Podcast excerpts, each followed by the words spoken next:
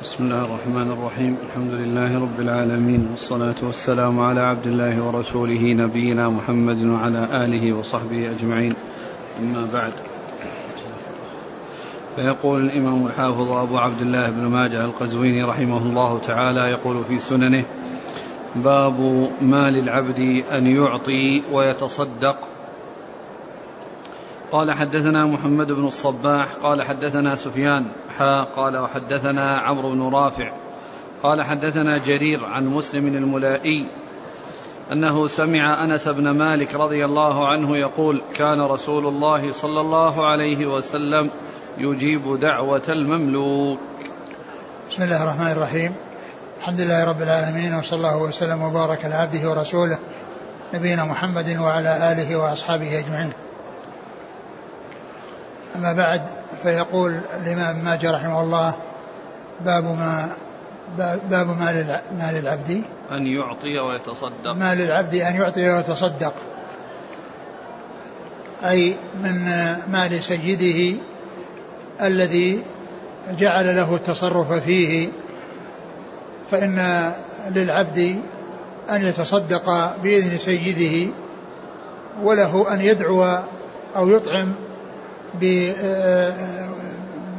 بناء على ما يمكنه منه سيده وذلك بأن يكون مثلا له بيت وله أهل وله طعام من سيده فيدعو أحدا أن يأتي إلى محله وإلى منزله أو أو أنه يتصدق على أحد ولكن ذلك بإذن من سيده. فللعبد ذلك. وقد أورد ابن ماجه رحمه الله هذا الحديث أن النبي عليه الصلاة والسلام كان يجيب دعوة المملوك. كان يجيب دعوة المملوك يعني إذا دعاه. إذا دعاه لتناول طعام. فإن النبي عليه الصلاة والسلام كان يجيب دعوته. وهذا من تواضعه صلوات الله وسلامه وبركاته عليه. وقد كان أكمل الناس أخلاقا وقد وصفه الله عز وجل بقوله وإنك لعلى خلق عظيم و والتصدق والإطعام إنما هو في الشيء المأذون له فيه وإلا فإن الماء فإن العبد يعني ماله الذي بيده لسيده هو هو ما بيده لسيده والعبد لا يملك ولكنه إذا فوض إليه التصرف في شيء فله التصرف فيه بناء على إذن آه، سيده. نعم. قال حدثنا محمد بن الصباح. هو صدوق أخرج حديثه. أبو داود بن ماجه. نعم. عن سفيان. هو بن عيينة ثقة أخرج أصحاب الكتب. ها قال وحدثنا عمرو بن رافع. وهو؟ ثقة أخرجه ابن ماجه. نعم. عن جرير. جرير بن عبد الحميد الضبي الكوفي ثقة أخرج أصحاب الكتب. عن مسلم الملائي. وهو؟ ضعيف وله نعم. الترمذي وابن ماجه. نعم. عن أنس بن مالك. رضي الله عنه خادم الرسول صلى الله عليه وسلم واحد السبعة المكثرين من حديثه صلى الله عليه وسلم.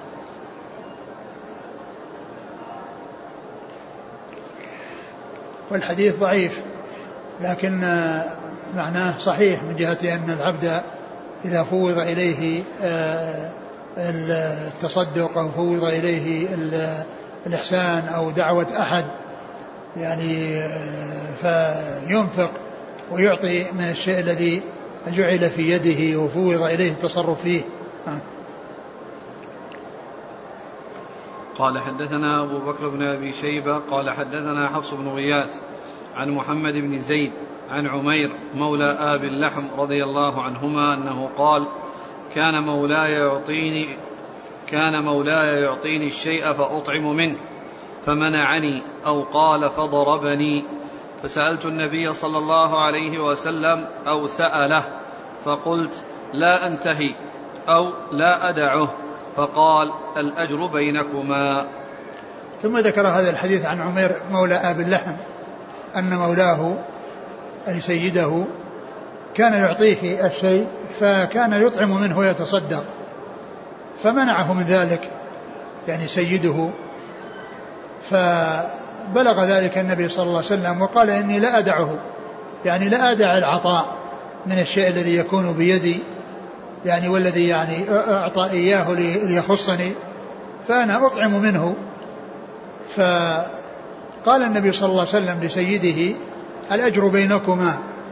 يعني كما أنه مأجور على مباشرته للإنفاق والإطعام فأنت أيضا مأجور على إعطائه وتمكينه من ذلك الشيء الذي تصدق منه وأحسن منه بحيث أن سيده أعطاه ليستفيد بنفسه فهو أراد أن يستفيد غيره معه فيكون الأجر بينهما بمعنى أن هذا مأجور الذي هو العبد لمباشرته الإنفاق والإحسان والسيد مأجور لكونه المالك لهذا الشيء والذي أعطاه إياه ليستفيد منه.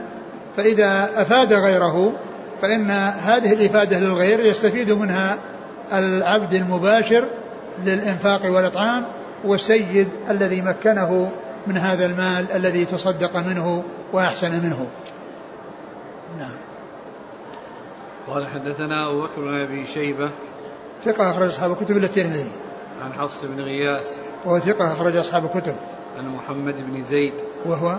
ثقة أخرجه مسلم وأصحاب السنن. نعم. عن عمير مولى آب اللحم. رضي الله عنه أخرج له. مسلم وأصحاب السنن. نعم. وآب اللحم هذا لقب. يعني لمولاه اشتهر بهذا اللقب. يعني آب اللحم يعني كان يعني لا يشتهي اللحم أو لا يريد اللحم فلقب بآب اللحم. نعم.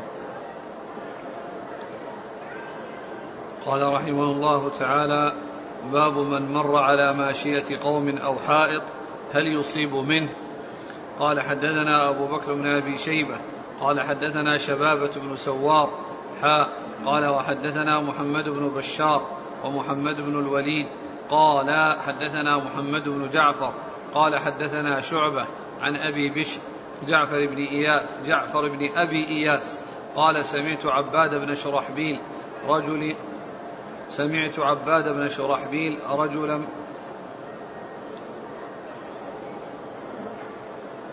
رجلا. رجل من بني غبر. يعني رجل يعني لعله يعني يصير أي هو رجل. فيكون على القطع وإلا فإن حق أن يكون رجلا. يعني سمعت فلان رجلا ولكن رجل صحيح يعني الرفع والنصب. فإذا جاء بالرفع المقصود يعني هو رجل يعني خبر لمبتدأ محذوف. رجل من بني غبر قال أصابنا عام مخمصة فأتيت المدينة فأتيت حائطا من حيطانها فأخذت سنبلا ففركته وأكلته وجعلته في كسائي فجاء صاحب الحائط فضربني وأخذ ثوبي فأتيت النبي صلى الله عليه وسلم فأخبرته فقال للرجل ما أطعمته إذ كان جائعا أو ساغبا أو ساغبا ولا علمته إذ كان جاهلا. فأمره النبي صلى الله عليه وسلم فرد إليه ثوبه وأمر له بوسق من طعام أو نصف وسق ثم ذكر باب ما باب الرجل إذا إذا مر بماشية قوم أو حائط. هل يصيب منه؟ هل يصيب منه؟ يعني هل يصيب من الحليب الذي في الماشية ومن الثمر الذي في الحائط؟ هل له ذلك أو ليس له ذلك؟ آه الأحاديث وردت في أن الإنسان إذا كان مضطرا وكان محتاجا للاستفادة من آه من ثمر نخل أو من حليب آه غنم أو إبل فإن له أن يأخذ ما يعني يضطر إليه ما تدعوه حاجته إليه لكن لا يأخذ معه شيئا يصطحبه معه ويحمله معه وإنما يأخذ الشيء الذي يقضي به حاجته ويسد به رمقه. وهذا إنما يكون على حسب حاجته واضطراره. أما أن يكون أن يتفكه وأن يكون ليس بحاجة ولكنه يريد أن يتفكه وأن يتمتع وأن يتنعم يعني بهذا الشيء الذي الذي يراه فليس له ذلك. لكن المحتاج له أن يأخذ أو أن يحلب من المواشي إذا كان مضطرا إلى ذلك وكذلك أيضا له أن يأخذ من من الثمر. يعني ما يسد به يعني أوده وحاجته له ذلك. وأما كونه آه، غير محتاج ويريد أن يتفكه ويتنعم ويتلذذ وهو غير محتاج إلى ذلك فليس له ذلك. وكذلك أيضا آه، ليس له أن يأخذ شيئا معه. يعني إذا كان مضطرا فيقضي حاجته التي اضطر إليها ولكنه لا يأخذ معه شيئا آه، يصطحبه معه ويستفيد منه بعد ذلك. ثم ذكر هذا الحديث أن أن هذا الرجل جاء إلى يعني حائط يعني في المدينة فيعني آه، أخذ منه ويعني آه، يعني سنبلا يعني فركه وأكله وأخذ منه معه بثوبه فجاء صاحب البستان ويعني آه، ضربه أو وأخذ ثوبه فبلغ ذلك النبي صلى الله عليه وسلم. قال ما علمته إذ كان جاهلا ولا أطعمته إذ كان جائعا ساغبا. ثم إنه أمر أمره برد ثوبه إليه أمره برد ثوبه إليه وأعطاه وسقا أو نصف وسق أو أمر له بوسق أو نصف وسق. والوسق هو ستون صاعا. فهذا يدل على أن المحتاج إذا كان محتاجا ودعته الضرورة فإنه آه، يأخذ ما يسد به جوعه إذا كان جائعا. ولكن لا يأخذ معه شيئا. لا يأخذ معه شيئا في ثوبه ولا في غير ثوبه. نعم. قال عباد بن شرحبيل أصابنا عام مخمصة. يعني جوع يعني أصابنا عام مخمصة يعني جوع يعني شدة الجوع. نعم. والمخمصة من من من من, من خموص البطن ويعني آه، خلوه كما جاء في الحديث بالنسبة للطير. قال عليه الصلاة والسلام لو أنكم توكلون على الله حق التوكل لرزقكم كما يرزق الطير. تغدو خماصا وتروح بطانا. تغدو خماصا يعني خالية البطون. وتروح بطانا يعني ممتلئة البطون. ممتلئة البطون. والقرآن فمن اضطر في مخمصة. يعني الذي شدة جوع وشدة مسغبة نعم. فأتيت المدينة فأتيت حائطا من حيطانها فأخذت سنبلا ففركته وأكلته وجعلته في كسائي. يعني هذا زرع. يعني أخذ منه أكل منه وحمل منه لأنه جعل في كسائه يعني شيء زايد على ما أكله. فنعم هذا بالنسبة للمضطر يجوز؟ زيادة على الأكل. إيه في زيادة لكن حمل في ثوبه. للمضطر هل يجوز؟ لا أبدا. ليس الإنسان أن يأخذ شيء يعني إنما يأخذ على يعني ما يسد به لكن دون أن يحمل شيئا. نعم. فجاء صاحب الحائط فضربني وأخذ ثوبي. فأتيت النبي صلى الله عليه وسلم فأخبرته. فقال للرجل ما أطعمته إذ كان جائعا أو ساغبا ولا علمته إذ كان جاهلا. يعني ما نبهته ما نبهته ولا تكلمت معه بكلام طيب ويعني حصل منك كلام معه يعني تقول إن مثل هذا لا يصلح وإنما كونه ضربه وكونه أخذ ثوبه فجمع له بين المصيبتين كونه ضربه وكونه أخذ ثوبه الذي فيه آه، الطعام فأمره النبي صلى الله عليه وسلم فرد إليه ثوبه وأمر له بوسق من طعام أو نصف أو نصف وسق. نعم. قال حدثنا أبو بكر بن أبي شيبة عن شبابة بن سوار. شباب بن سوار أبو بكر بن شيبة ثقة أصحاب الكتب إلى الترمذي وشباب بن سوار ثقة أخرج أصحاب الكتب. قال وحدثنا محمد بن بشار. هو ثقة أخرج أصحاب الكتب. ومحمد بن الوليد وهو ثقة البخاري ومسلم والنسائي بن ماجه نعم عن محمد بن جعفر وهو غندر ثقة أخرج أصحاب الكتب عن شعبة شعبة بن الحجاج ثقة أخرج أصحاب الكتب. عن أبي بشر جعفر بن أبي إياس. وهو بن أبي وحشية ثقة أخرج أصحاب الكتب. عن عباد بن شرحبيل أخرج له. أبو داود والنسائي بن ماجه. نعم. يقول آه، إن أكل منه وهو عليه أن يستمر في سيره ويعلم أنه لن يصل إلى مكان فيه طعام إلا بعد وقت طويل فأخذ معه احتياطا. ليس للإنسان أن يأخذ يعني شيئا زائدا على حاجته. اللهم إلا إذا علم بأن المسافة طويلة ثم أيضا لو, لو علم بأن المسافة طويلة يمكن أن يحصل في الطريق شيء. يمكن أن يحصل في الطريق شيء يحصل غنم أو يحصل أحد يعطيه. الرسول عليه الصلاة والسلام جاء أنه لا يتخذ خبنة يعني كما سيأتي في الحديث أنه لا يأخذ شيئا وإنما يأكل على قدر حاجته ولا يأخذ شيئا.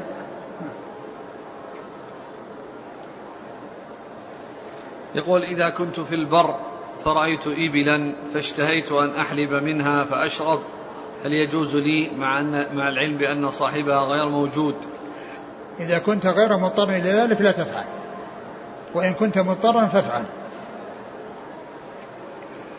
إلا أن يكون صاحبها موجود ويأذن لك فأنت سواء كنت محتاج مضطر أو غير مضطر. نعم.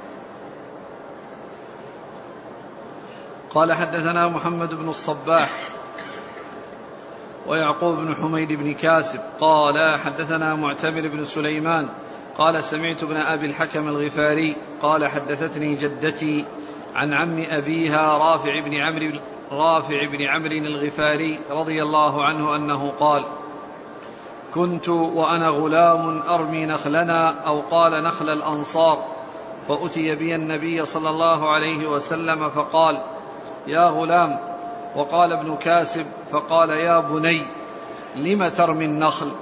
قال قلت آكل. قال فلا ترمي النخل وكل مما يسقط في أسافلها. قال ثم مسح رأسي وقال اللهم أشبع بطنه. ثم ذكر هذا الحديث يعني عن هذا الرجل من هذا الغلام أنه كان يعني يأتي إلى يعني حائط الأنصار.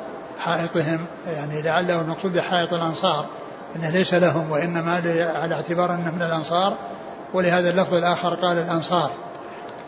فكان يرميه يعني بالحجارة حتى يتساقط يعني ثمر ليأكل. ف ف فإيش؟ ف... فأتي فأتي به النبي صلى الله عليه وسلم. يعني أخذ أخذ وذهب به إلى النبي صلى الله عليه وسلم. يعني وإخبار بأنه فعل هذا الفعل أنه كان يرمي فسأله النبي صلى الله عليه وسلم عن ذلك فقال لآكل.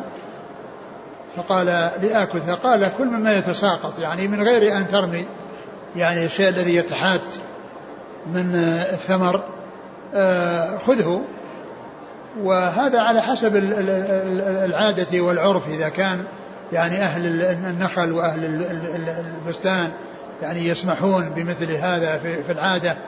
لأن الذي يتساقط من نخلهم هو لهم فهو مثل الذي في النخل لكنه ليس مثل آه، الذي في النخل لأن الذي في النخل يعني يبقى والناس يأتون إليه وأما هذا إن لم يؤخذ فإنه سيفسد إن لم يؤخذ فإنه يعني عرضة للفساد فإذا يعني آه، يعني على حسب ما اعتاده الناس إذا كانوا يسمحون بمثل ذلك فإن له أن يأخذ والرسول عليه الصلاة والسلام آه، أرشده بأن يأخذ مما يتحات ولا يرمي النخل لأن رمي النخل آه، يفسد يعني يفسد شيئا من الثمر الذي تصيبه الحجارة إذا رمى العذق والقنو المعلق في النخل فإنه يتأثر ويعني وقد يسقط شيئا لم لم يكن مستويا. يعني بسبب يعني هذا هذا الرمي بالحصى. الرسول عليه الصلاة والسلام أرشده إلى أن يأخذ مما يتحات بنفسه دون أن يكون مرميا بالحجارة أو دون أن يرميه بالحجارة. ثم مسح على رأسه وقال اللهم أشبع بطنه. اللهم أشبع بطنه. والحديث في إسناده آه، ضعف. من جهه يعني بان في بعض رواته من من هم مجهولون. ولكنه كما عرفنا عند الحاجة وعند الضرورة لا بأس بذلك. أما بدون ضرورة فليس للإنسان أن يقدم على استعمال مال الغير إلا بإذنه. نعم. قال حدثنا محمد بن الصباح نعم. ويعقوب بن حميد بن كاسب. وهو صدوق أخرج له. خالف خلق أفعال عباد بن ماجه. نعم. عن معتمر بن سليمان. ثقة أخرج أصحاب الكتب. عن ابن أبي الحكم الغفاري. وهو؟ مستور أخرج أبو نعم. داود بن ماجه. نعم. عن جدته وهي؟ لم أجدها. نعم. عن عم أبيها رافع بن عمرو الغفاري. أخرج له. مسلم وأبو داود والترمذي بن ماجه. نعم. يقول السائل المضطر إذا وجد صاحب البستان واستأذنه ولم يأذن له بالأكل فهل له أن يقتصب من ثماره ويأخذ بالقوة؟ والله إذا كان أنها إذا كان أنها يعني مضطر يعني كما يضطر للميتة يعني فله ذلك. لكن مثل هذا في الغالب أنه يعني لا يمنع أو صاحب البستان لا يمنعه يعني حيث يكون مضطرا ويرى عليه أثر الاضطرار. أما الإنسان الذي يتفكه ويريد أن يأخذ شيئا وهو غير مضطر إليه فليس له ذلك.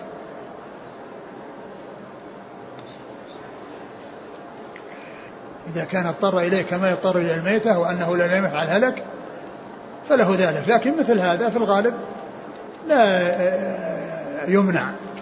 نعم.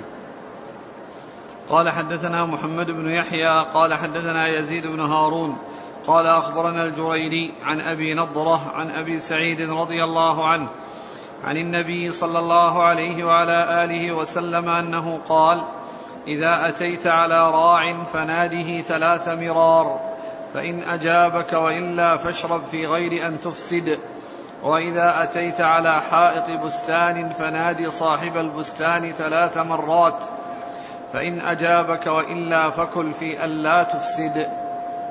ثم ذكر هذا الحديث عن أبي سعيد أن النبي صلى الله عليه وسلم قال إذا مريت براعي يعني بماشية فنادي راعيها ثلاث مرات.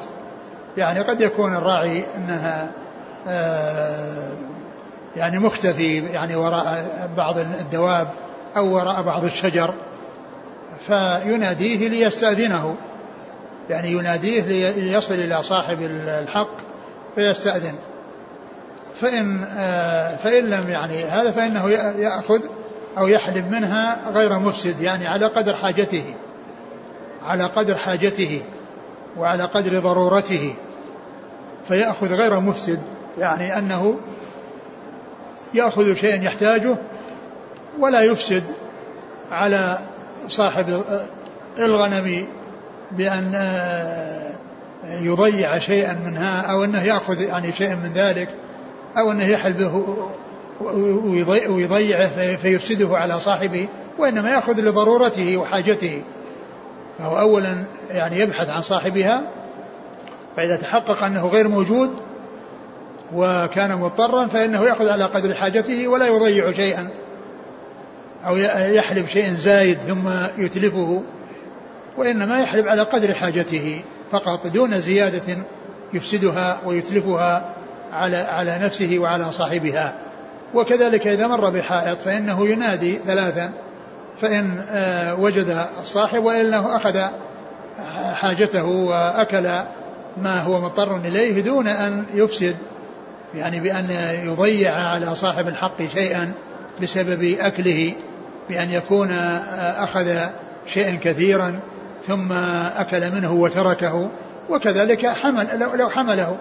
ليس له أن يأخذ شيئا زائدا على قدر ضرورته لا يحمله ولا يتركه في مكانه لأن أخذه من مكانه وعدم الاستفادة منه سبب لفساده وسبب لعدم الاستفادة منه. نعم. قال حدثنا محمد بن يحيى. هو الذهلي ثقة أخرج حديث البخاري وأصحاب السنن. عن يزيد بن هارون. ثقة أخرج أصحاب الكتب. عن الجريري. وهو سعيد بن إياس ثقة أخرج أصحاب الكتب. عن أبي نضرة.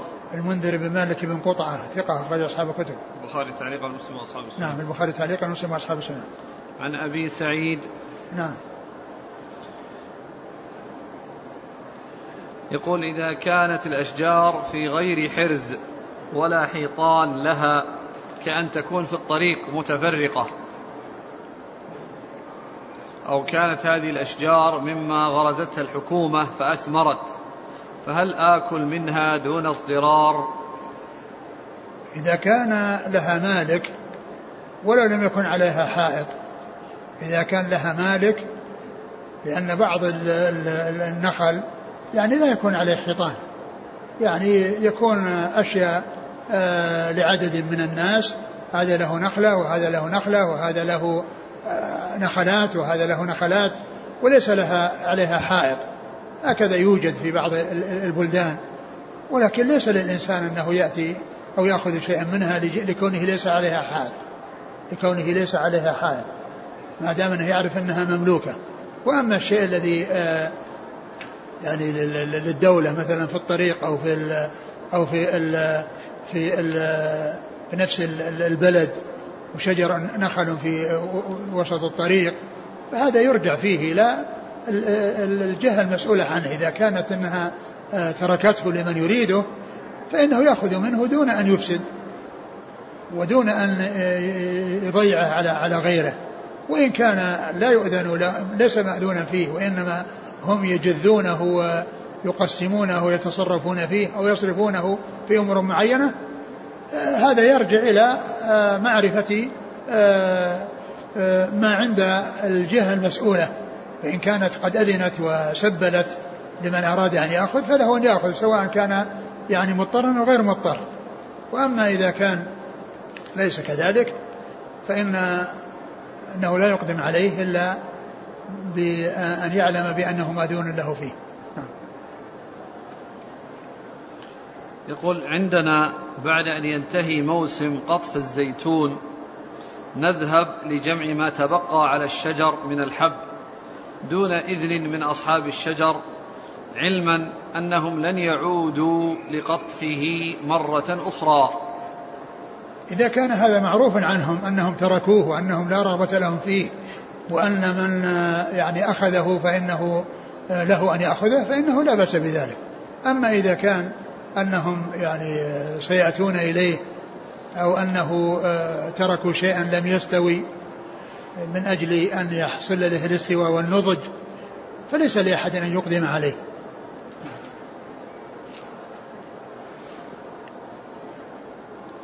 يقول إذا مر قوم كثير على بستان وهم في مخمصة فلو أكلوا من البستان لتضرر صاحب البستان. فهل يجوز لهم الحالة هذه الأكل؟ والله إذا كانوا مضطرين لهم أن يأكلوا. إذا كانوا مضطرين ولم يستطيعوا أن يحصلوا عن طريق الشراء فلهم أن يأكلوا من أجل أن يسدوا آه، جوعتهم. قال حدثنا هدية بن عبد الوهاب وأيوب بن حسان الواسطي وعلي بن سلمة قالوا حدثنا يحيى بن سليم الطائفي عن عبيد الله بن عمر عن نافع عن ابن عمر رضي الله عنهما أنه قال قال رسول الله صلى الله عليه وعلى آله وسلم إذا مر أحدكم بحائط فليأكل ولا يتخذ خبنة. ثم ذكر هذا الحديث عن النبي صلى الله عليه وسلم قال إذا مر أحدكم بحائط فليأكل يعني حيث يكون مضطرا ومحتاجا ولا يتخذ خبنه يعني آه، يعني يحمل معه شيئا. يعني بثوبه. يعني خبنه يعني بحيث يثني أو يثنى يعني الثوب فيوضع فيه يعني شيء من آه، من الثمر. المعنى أنه لا يحمل شيئا وإنما يأكل يعني في بطنه على قدر حاجته ولا يتخذ شيئا يحمله. في ثوبه ولا في غير ثوبه. لا في ثوبه ولا في غير ثوبه. فهذا مثل ما تقدم في بعض الأحاديث يعني في هذا المعنى. نعم. قال حدثنا هدية بن عبد الوهاب. هو؟ قال صدوق ربما وهم أخرج له ابن ماجه. وأيوب بن حسان الواسطي. وهو؟ صدوق أخرج له ابن ماجه. نعم. وعلي بن سلمة. وهو صدوق له ابن ماجه نعم. عن يحيى بن سليم الطائفي. وهو صدوق سيء الحفظ أخرجه أصحاب الكتب. نعم. عن عبيد الله بن عمر. هو العمري المصغر ثقة أخرج أصحاب الكتب. عن نافع عن ابن عمر. نافع مولى بن عمر ثقة أخرج أصحاب الكتب. قال يقول فضيلة الشيخ إذا كان الإنسان مضطر ولم يجد في الغنم حليبا فهل له أن يذبح؟ لا ليس له أن يذبح. ليس له أن يذبح. لكن إذا وجد يعني إذا وجد ميتة فإنه يأكل من الميتة ولا يذبح يعني نصيب الناس.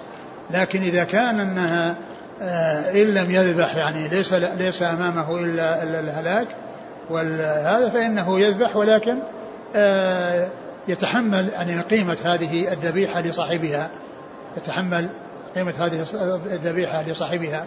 إن كان معه نقود وحصله وأعطاه وإلا فإنه يبقيها في ذمته أو تكون دينا عليه في ذمته إلا أن يأذن له ويقره ويسامحه في ذلك. وأما هذا فيقول إذا كنت في أرض مهلكة وأنا في سيارتي ونفد البنزين والمحطات بعيدة جدا وإذا مشيت أعلم أني سوف أهلك. فهل لي أن آخذ بنزين من السيارات المارة غصبا؟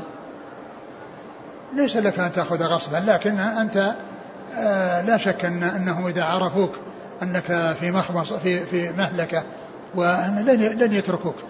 مثل ما أنت لو لو حصل لو لو حصل لأحد من الناس هل ستكون آه، بهذه المنزلة التي آه، ما تعطي الناس إلا أن يعني آه، يأخذ منك بالقوة. عامل الناس مثل ما تحب أن يعاملوك به. فكما أنك عندما يحتاج الناس إليك وهذا شيء ما ما أظنه يعني يصير. يعني الإنسان يعني يؤدي إلى الهلاك والناس لا يساعدونه مع وجود البنزين عندهم. أما إذا كان ما عندهم شيء إلا هم أنفسهم يكفيهم ما يكفيهم فإذا آه، هم وإياه على حد سواء. لكن إذا كان عندهم فائض وعندهم شيء يكفيهم وزيادة فإن عليهم أن يعطوه. ونتصور أن مثل هذا يعني بعيد أنه يقع مثل مثل هذه مثل هذا مثل هذا الفرض. هذا يعني فرض وليس يعني واقعا. نعم. قال رحمه الله تعالى باب النهي أن يصيب منها شيئا إلا بإذن صاحبها.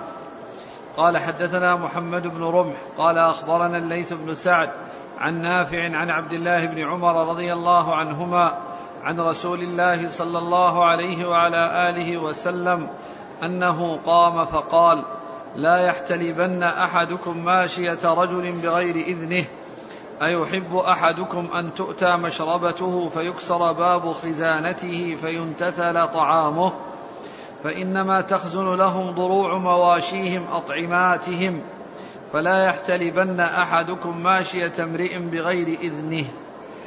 ثم ذكر باب النهي أن يصيب منها شيئا إلا بإذن صاحبها. النهي أن يصيب منها شيئا أي المواشي من حليبها إلا بإذن صاحبها.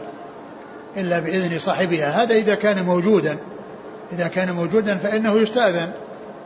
وإن كان غير موجود الإنسان مضطر وإذا لم يفعل يعني يصيبه الهلاك ويصيبه الضرر فله ذلك كما جاء في الأحاديث. لكنه إذا كان موجودا فإنه يستأذنه فإنه يستأذنه. ثم آه، بين عليه الصلاة والسلام وضرب المثل بأن هذه الضروع التي فيها الحليب هي غذاء وهي طعام أهل تلك المواشي. وأن الواحد منكم لو كان عنده خزانة وفيها طعامه ويعني ما يحتاج إليه فجاء أحد وكسر باب تلك المكان الذي فيه طعامه وشراب طعامه ويعني وما يملكه وأخذ ما فيه فإن ذلك لا يعجبه لأنه ضيع عليه طعامه فكذلك أيضا طعام غيره طعام غيره الذي هو ما في هذه الضروع. لأن ما في هذه الضروع هو غذاؤهم غذاء أهلها كما أن في ما في الحجر والبيوت من الأموال هي آه، يعني آه، مختصة بأهلها فلا يقدم أحد على أن يكسر الباب ويأخذ مما فيه فكذلك لا يقدم الإنسان على أن يأخذ من الضروع إلا بإذن صاحبها.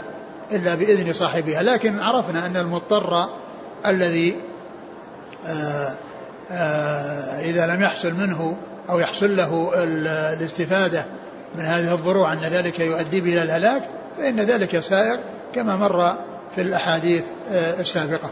نعم. لا يحتلبن أحدكم ماشية رجل بغير إذنه أيحب أحدكم أن تؤتى مشربته فيكسر باب خزانته. فينتثل طعامه.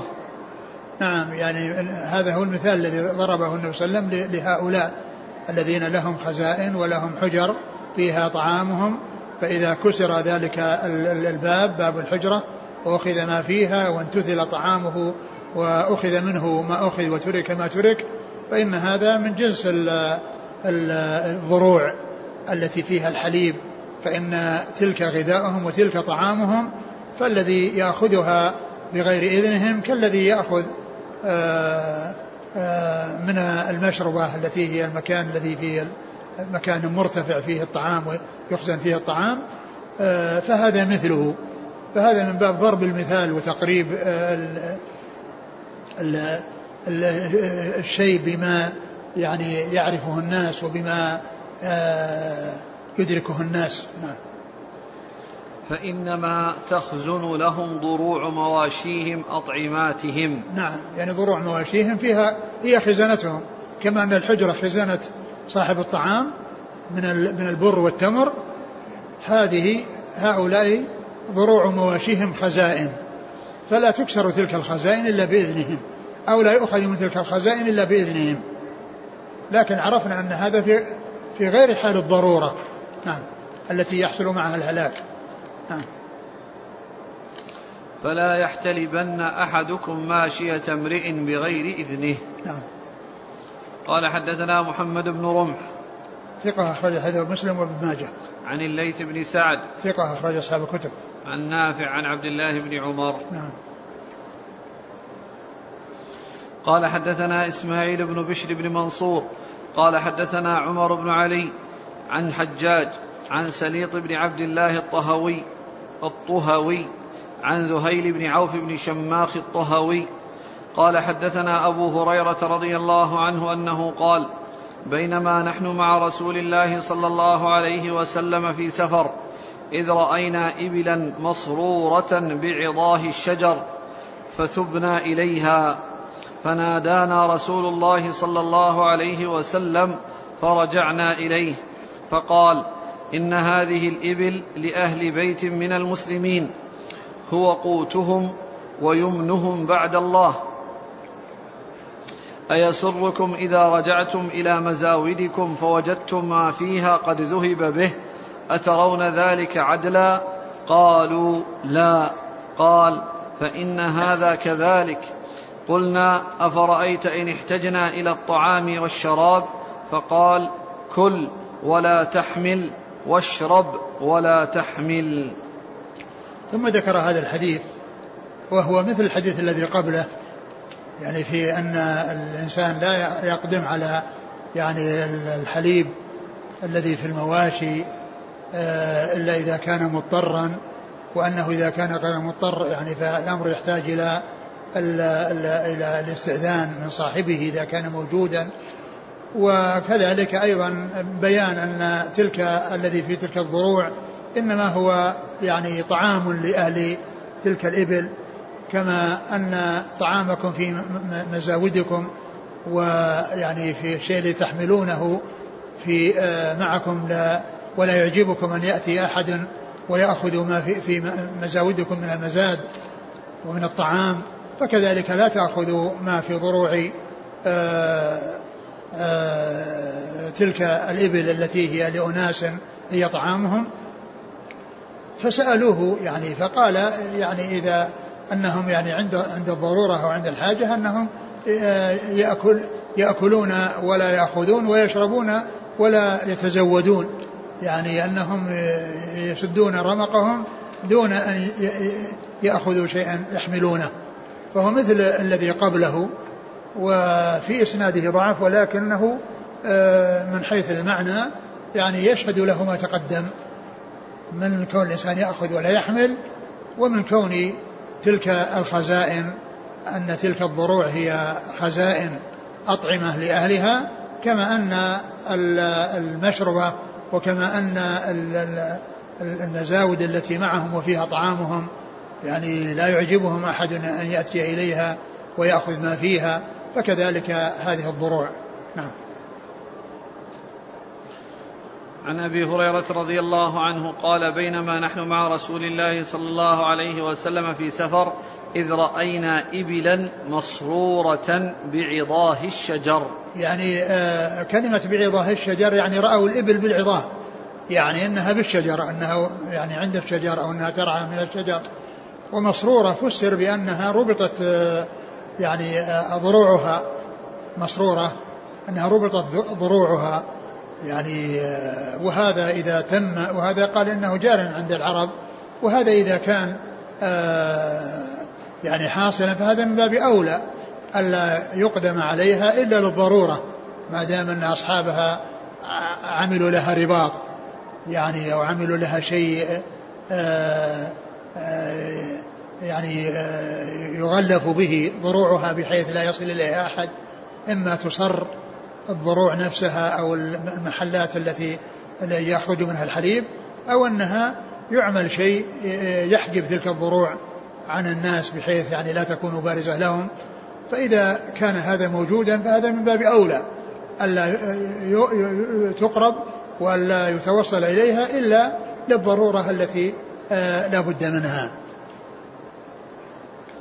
نعم. والعظاه هي الشجر الكبار. العظاه هي الشجر الكبار. نعم.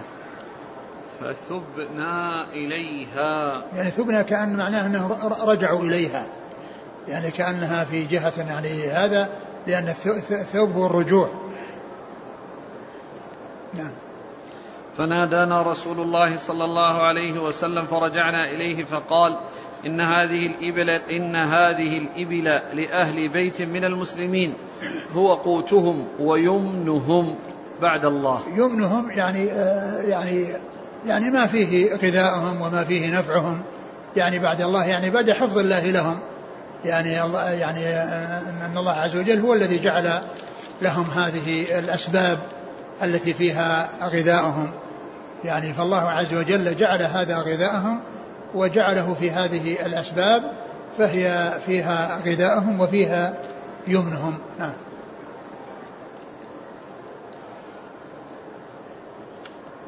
أيسركم إذا رجعتم إلى مزاودكم فوجدتم ما فيها قد ذهب به؟ أترون ذلك عدلا؟ قالوا لا. قال فإن هذا كذلك. قلنا أفرأيت إن احتجنا إلى الطعام والشراب؟ فقال كل ولا تحمل واشرب. يعني, يعني معنى مضطر. إذا احتجنا يعني مضطرين. نعم. فهذا كل ولا تحمل مثل لا تتخذ خبنة. ومثل آه، يعني آه، ما تقدم من الأحاديث بهذا المعنى. قال حدثنا إسماعيل بن بشر بن منصور. هو؟ صدوق لأبو داود النسائي بن ماجه. عن عمر بن علي. وهو؟ ثقاه لأصحاب الكتب. نعم. عن حجاج. وهو بن منهال. حجاج نعم. بن أرطاه. حجاج بن أرطاه. حجاج نعم بن أرطاه بن منهال يعني في طبقة متأخرة. نعم. وهو صدوق كثير الأوهام والتدليس. كثير الخطأ. كثير الخطأ والتدليس. رجل البخاري في المفرد نعم. ومسلم وأصحاب السنن. نعم. عن سليط بن عبد الله الطهوي وهو مجهول اخرج ابن ماجه. نعم. عن ذهيل بن عوف بن شماخ. إيش باقي اسمه؟ ها؟ الطهوي الطهوي الطهوي ولا الطهوي؟ ضبطه بالفتح و الحافظ ضبطه بالفتح وانتقدوه. يعني فتحتين. إي هكذا ذكر لكن. قالوا أن الصحيح بالضم, بالضم. آه طيب. سليط بن عبد الله. مش هذا يصير في خطأ؟ نعم. يصير في خطأ في التقريب. غير غير هذه المسألة. هذه المسألة أنا شفتها لكن الآن نتنبه للرمز. قال سليط بن عبد الله الطهوي بفتحتين مجهول من السادسة. قال دال سين. أو في غيره؟ آخر سليط بن عبد الله بن يسار. في طهوي أيضا؟ كان لا طهوي لا.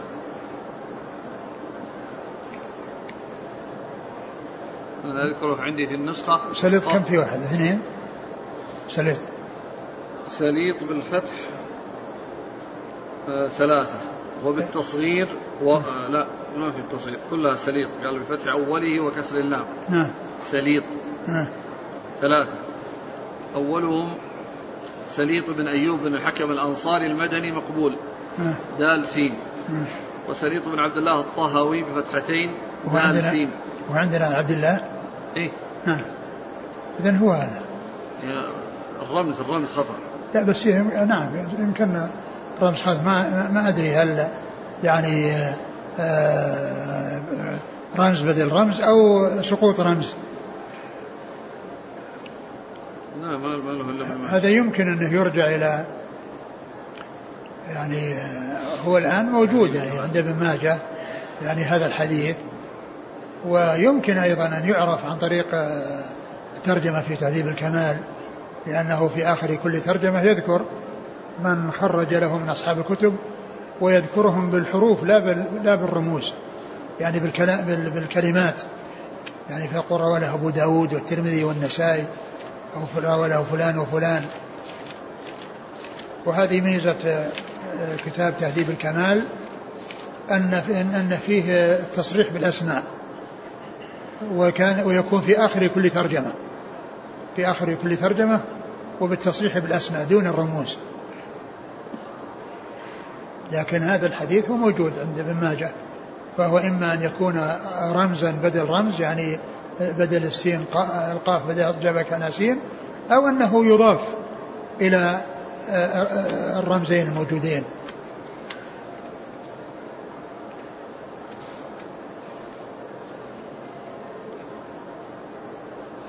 في ترجمة الذي بعد ذهيل ابن عوف ابن شماخ الطهوي الطهوي يقول الحافظ مم.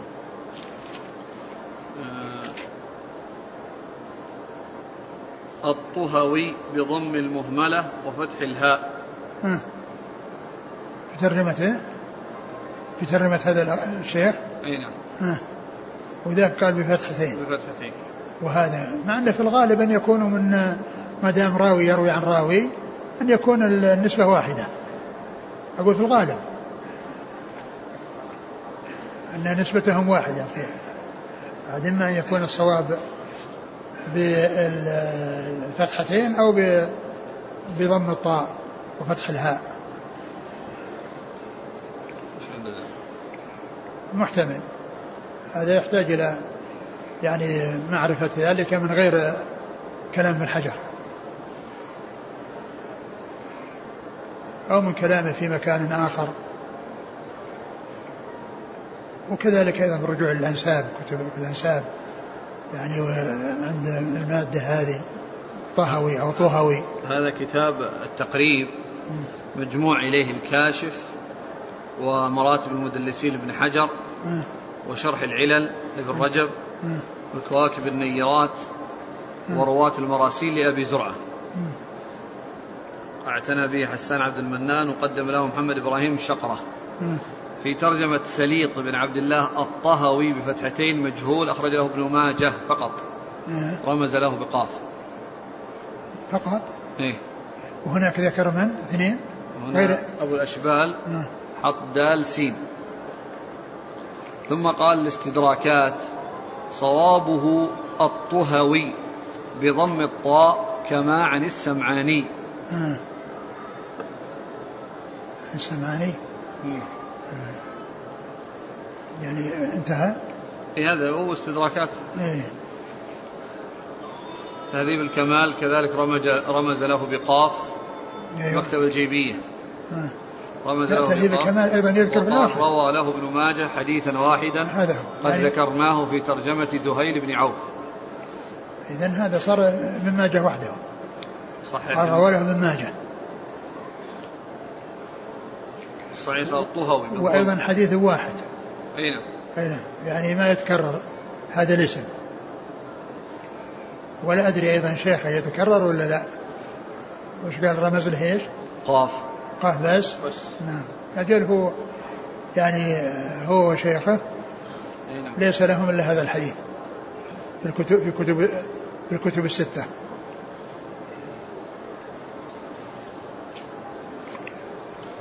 عن أبي هريرة. نعم. قال رحمه الله تعالى باب اتخاذ الماشية. قال حدثنا أبو بكر بن أبي شيبة قال حدثنا وكيع عن هشام بن عروة عن أبيه عن أم هانئ رضي الله عنها أن النبي صلى الله عليه وسلم قال لها اتخذي غنما فإن فيها بركة. ثم قال اتخاذ الماشية. يعني كل إنسان يعني يكون من أصحاب الماشية بحيث يعني يجمع الماشية أو يعني يكون ممن يعتني بالماشية أو آه، يشتغل بالماشية ويكون عنده شيء من الغنم وكذلك يعني الإبل. ثم أورد هذا الحديث عن أم هاني. قال النبي صلى الله عليه وسلم وش قال عن أم هاني؟ قال النبي صلى الله عليه وسلم قال لها اتخذي غنما فإن فيها بركة.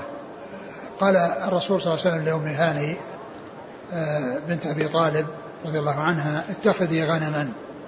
يعني هذا إرشاد إلى اتخاذ الغنم وكل إنسان يصاحب غنم. قال إن فيها بركة. إن فيها بركة. وهذا يدل على فضل على اتخاذ الغنم وأن فيه بركة وأن فيه خير.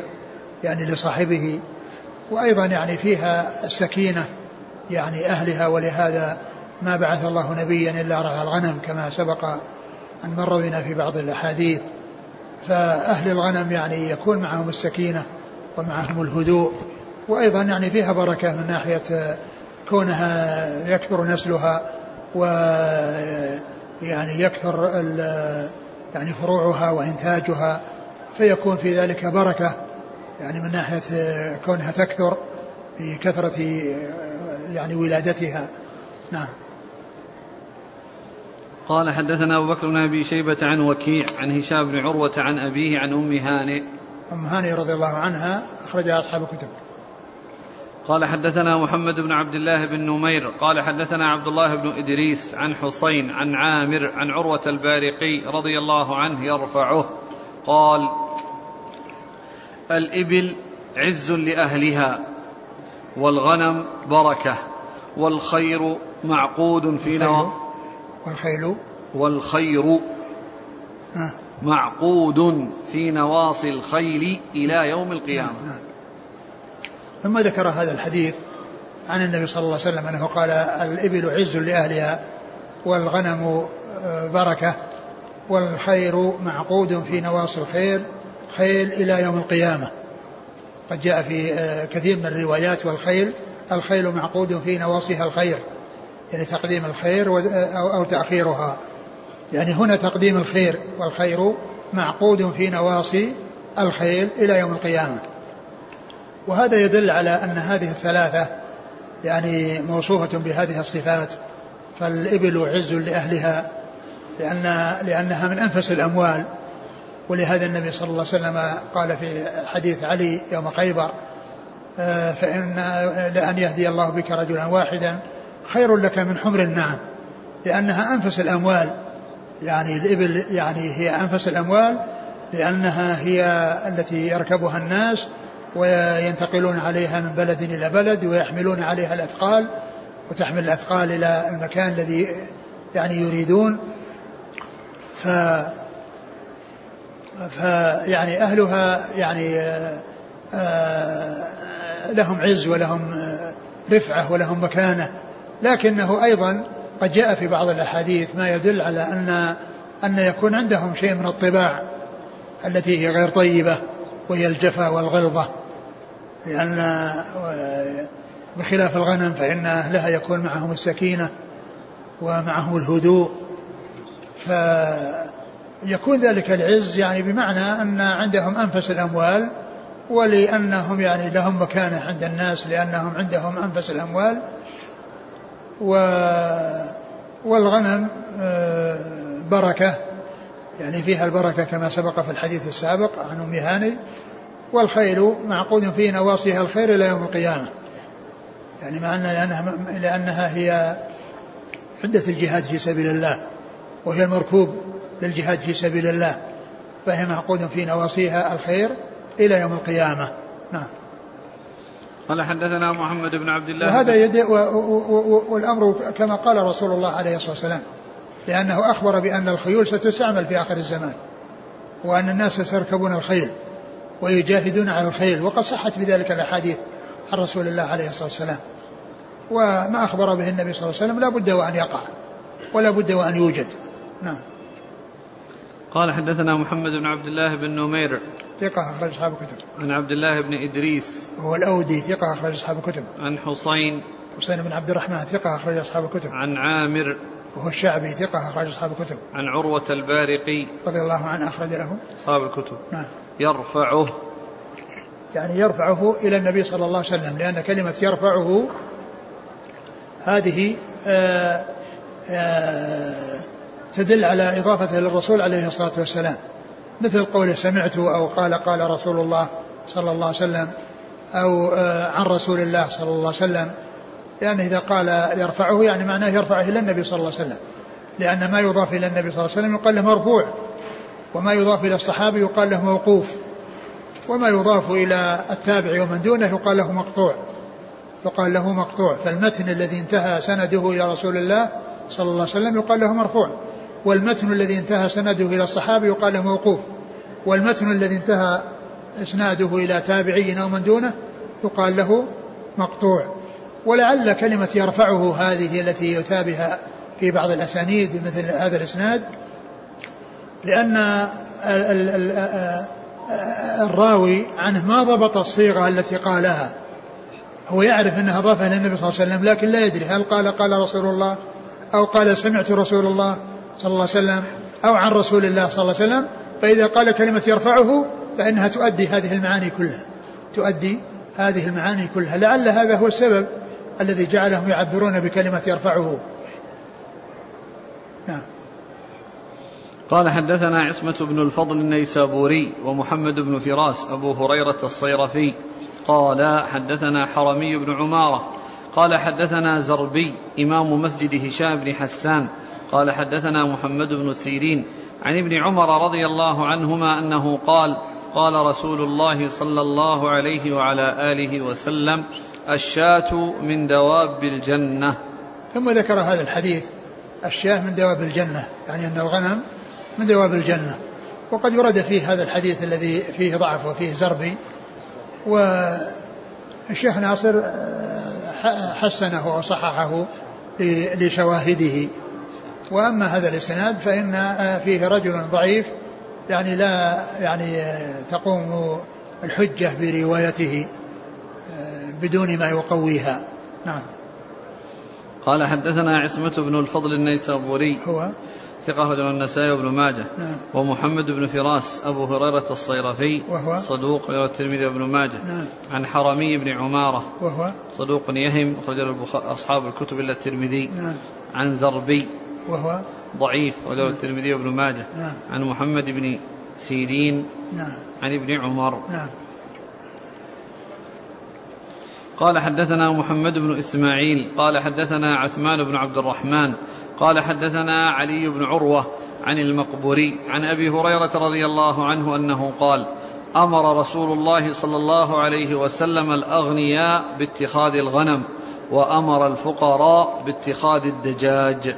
وقال عند اتخاذ الأغنياء الدجاج يأذن الله بهلاك القرى. ثم ذكر حديثا ضعيفا جدا بل يعني ذكر أنه موضوع لأن في رواته من هو متهم بالكذب وهو أن النبي صلى الله عليه وسلم أمر الأغنياء باتخاذ الغنم والفقراء باتخاذ الدجاج وأن الأغنياء إذا اتخذوا الدجاج أذن الله بخراب آه، ياذن الله بهلاك القرى. بهلاك القرى. يعني ان إن الأغنياء إذا يعني جاءوا إلى نصيب الفقراء والشيء الذي هو من اختصاص الفقراء فإن هذا يعني أذان للهلاك. ولكن الحديث غير صحيح. بل منهم من قال إنه موضوع. نعم. قال حدثنا محمد بن إسماعيل. الاحمسي وهو؟ ثقة الترمذي والنسائي بن نعم. ماجه. عن عثمان بن عبد الرحمن. وهو؟ صدوق أكثر من الرواية عن الضعفاء والمجاهيل فضعف بسبب ذلك. نعم. وأبو داود والنسائي بن ماجه. نعم. عن علي بن عروة. نعم. وهو متروك رجل ابن ماجه. نعم. عن المقبري عن أبي هريرة. والمقبري آه، سعيد. سعيد. نعم. سعيد هو ثقة أخرج أصحاب الكتب. نعم. هذا آخر الباب. نعم. والله أعلم وصلى الله وسلم وبارك على عبده ورسوله نبينا محمد وعلى آله وأصحابه أجمعين. جزاكم الله خيرا وبارك الله فيكم. ألهمكم الله الصواب ووفقكم للحق ونفعنا الله ما سمعنا وغفر الله لنا ولكم وللمسلمين أجمعين. سبحانك اللهم وبحمدك.